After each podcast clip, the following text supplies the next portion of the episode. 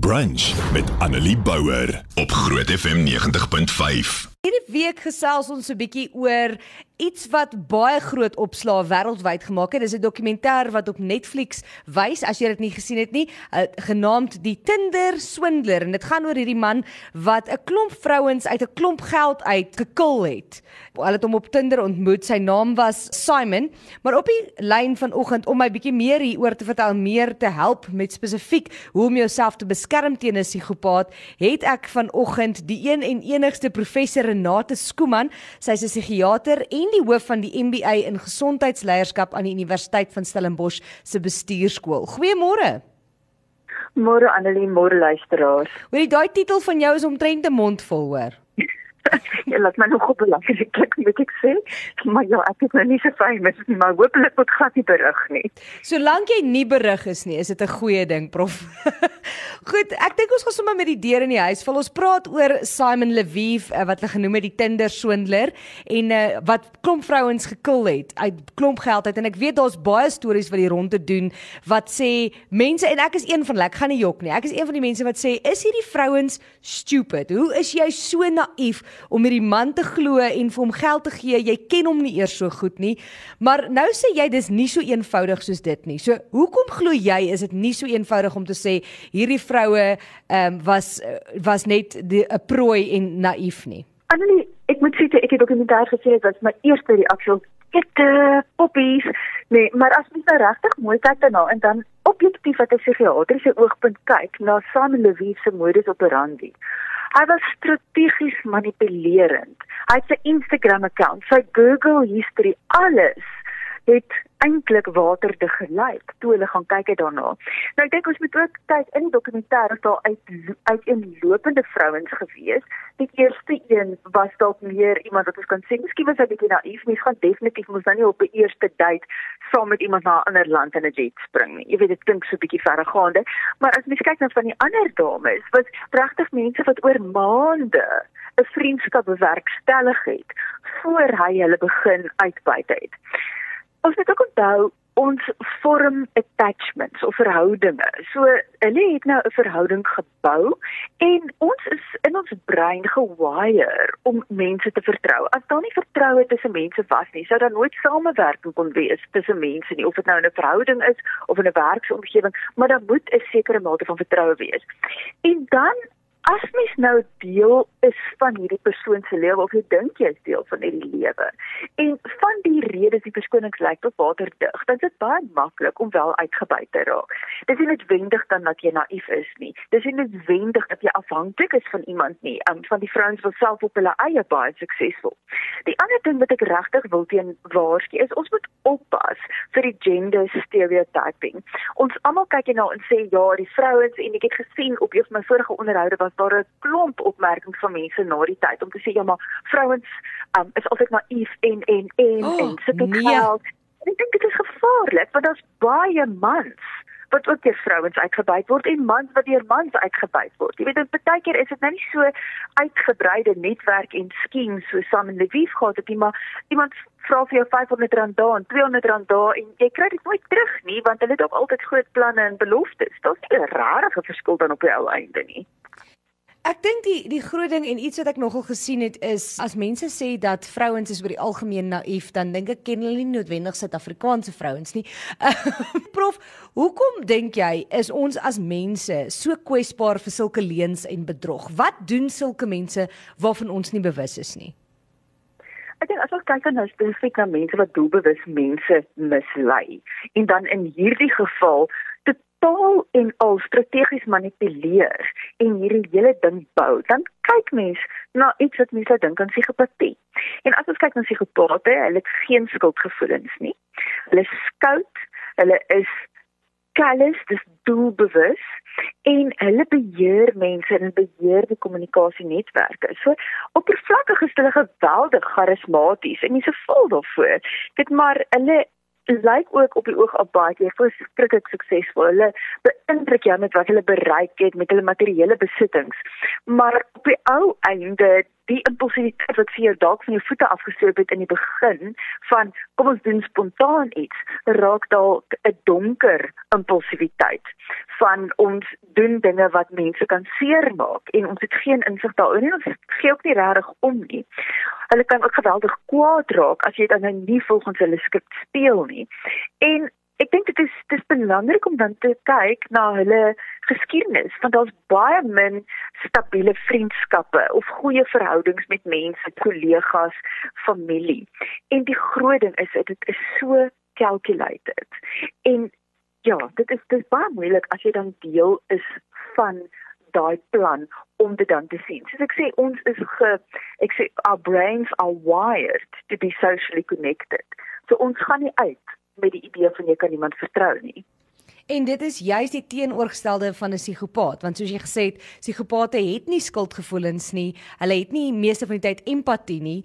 Um en dit maak dit so moeilik want hulle is hulle is juis gewoonlik charismatiese mense wat mense na hulle toe aantrek ten spyte van die feit dat hulle nie hierdie emosies het nie. Ja, en hulle kan jou later dan op 'n punt kry waar jy absoluut jou eie oordeel in twyfel trek. Jy weet ons het almal mos 'n gut feeling of daai eerste indruk van it's too good to be true which most likely it is good to be true maar in elk geval maar ons begin later aan ons eie eie oortuigings bevraagteken en jy wonder ja, maar hoekom hoekom voel ek so afhanklik hoekom voel ek so angstig jy weet en jy probeer later alles doen om uit die moeilikheid te bly by die persoon. Veral ook in 'n werksopset. Sit jy jy sit ook in 'n meeting en nou iewers skielik kom daar inligting uit wat van jou weer hou is vir die tyd en jy lyk dan baie stupid in die meeting en jy raak later aan regtig begin twyfel in jou eie oordeel. Die ander ding wat ons moet ook onthou wat miskien in hierdie geval spesifiek van toepassing was is is die die online lewe is baie anders as lewe in persoon. As ons dink 'n klompie jare terug toe daar nog blind dates vir jou familie en jou vriende gereël is, daar was konteks gewees. Nee, jy kom mense in konteks sien, jy kom mense tussen ander um mense sien funksioneer en jy het ook kollaterale inligting gehad. Jy weet iemand gaan jou nou nie voorstel aan iemand wat hulle weet is uit om jou te lieg en bedrieg nie. Maar in die online wêreld en online platforms en dating sien, is daar daai kollateraal nie. Jy weet baie mense is ook nie baie openlik dat hulle wel online platforms gebruik nie. Met ander woorde, jy voel net nie gemaklik om met jou vriende en jou familie daaroor te praat en 'n tweede opinie te vra nie. So, hoe maak jy seker die persoon wat aan die ander kant is werklik wie hy sê, want jy het die konteks nie net ook nie daai kollaterale inligting nie. En 'n mens moet so versigtig wees vir sulke goed. Jy wil nie noodwendig paranoïes wees en paranoïes lewe en altyd oor jou skouer kyk nie, maar mens moet tog maar pas op vir sulke tipe goed, veral as jy sê aanlyn kan dit makliker gebeur. Prof Skuman, wat dryf 'n psigopaat? Ja, daar is uit 'n psigiatriese oogpunt baie dinge en mens kan teruggaan in ontwikkelingsgeskiedenis, wat klein bietjie gene betrokke, maar dit het baie uit primêre verhoudinge uit die vroeë kinderjare ook te doen wat dit dan veroorsaak. Maar op die ou einde, wat hulle dryf, is hulle ego. Wat hulle dryf is om in beheer te wees, om ander mense te beheer. En dit ook om hulle materialistiese doelwitte te bereik. Of of baie keer is dit nie 'n materialistiese doelwit nie maar ego doelwitte. Of dit kan wees van hulle wil famous wees of hulle wil belangrik wees of wat dit ook al is. Maar dit gaan baie oor daai ego 'n uh, interessante ding wat ons nie nou gaan tyd hê om op in te gaan nie, maar wat ek dink um, vir my wat ek dink ons eendag moet uh, ondersoek instel oor is uh, ons praat nou van Simon Levy wat hierdie vroue uit 'n uh, klomp geld uit gekil het, maar daar's ander tipe voorbeelde in ons eie land. Soos byvoorbeeld as mens gaan kyk na die Kreersdorp moorde, hulle daar's mos die uh, die dokumentêr op Netflix ook oor Devil's Dorp en hoe hierdie vrou soveel mense kon kry om teen hulle eie persoonlikhede op te tree, om haar te glo in alles wat sy doen en ek dink dis 'n baie goeie voorbeeld van wat 'n psigopaat kan regkry. Absoluut, dit is nie altyd net geld waar dit geswendel word nie, maar jy kan letterlik teen jou eie beter wete optree. So, afgesien van geldelike verlies soos in die geval van die Tinder swindler, wat is die impak op die slagoffer se geestesgesondheid? Ek raak baie geïsoleerd in so iets want ons baie skuldgevoel van jou kant af en skaam oor dat jy wel die die prooi was van so iets. En dit kan lei natuurlik tot angs en depressie en depressie kan selfs later tot selfmoord lei. So die groot ding is om te besef hierdie vrouens in hierdie geval, maar kom ons sê enige iemand wat die prooi is van so so swendelaar of enigiemand anders wat jy so mislei is is die trauma. So selfs posttraumatiese stres, akute stressterings en natuurlik dan die absolute impak op op jou selfbeeld en dan ook jou vermoë om in toekomstige verhoudinge in te gaan, oor dit jy dan nou net nie meer jouself glo nie. So ten spyte van jy het nou genoem dat baie keer sal mens uh, begin twyfel in jou eie oordeel en hoe jy dinge doen as gevolg van so iets. Maar ehm um, wat waarvoor kan 'n mens dan nou uitkyk om jouself te beskerm teen so iets? Annie, ek dink die heel eerste wat ek soos ek genoem het, if something seems too good to be true, it's most likely is. Daar ons ons het dan mos nou 'n bietjie lewensondervinding ook, nê? En dan die tweede ding is as as jou gut vir jou sê iets is nie reg nie luister daarna en vra iemand anders se opinie. Bespreek dit met jou vriende of jou familie of jou kollegas. Daar's ook 'n mooi Afrikaanse gesegde wat sê as die pap te dik is, brand dit aan. So moenie te vinnig in 'n verhouding vorder nie. En maak seker as jy die eerste afspraak het, moet daar 'n tydsbeperking op wees. Dit is baie beter om byvoorbeeld gedurende kantoorure gou in die middagete 'n koffie te gaan drink as om na kantoorure mekaar ergens te ontmoet en 'n drankie te drink en in heaven forbid by 'n hotel te ontmoet. Want alkohol maak mense oordeel swakker en dan staan ook nie 'n tydslimiet nie. Met ander woorde die eerste tyd kan aanhou en aanhou en aanhou en dan word jy meegesleer. So neem dit stadiger. Maak ook seker dat mense altyd weet waar jy is. Maak seker dat as jy op enige afspraak gaan 'n familielid of 'n vriend weet waar jy is en saam met wie jy is.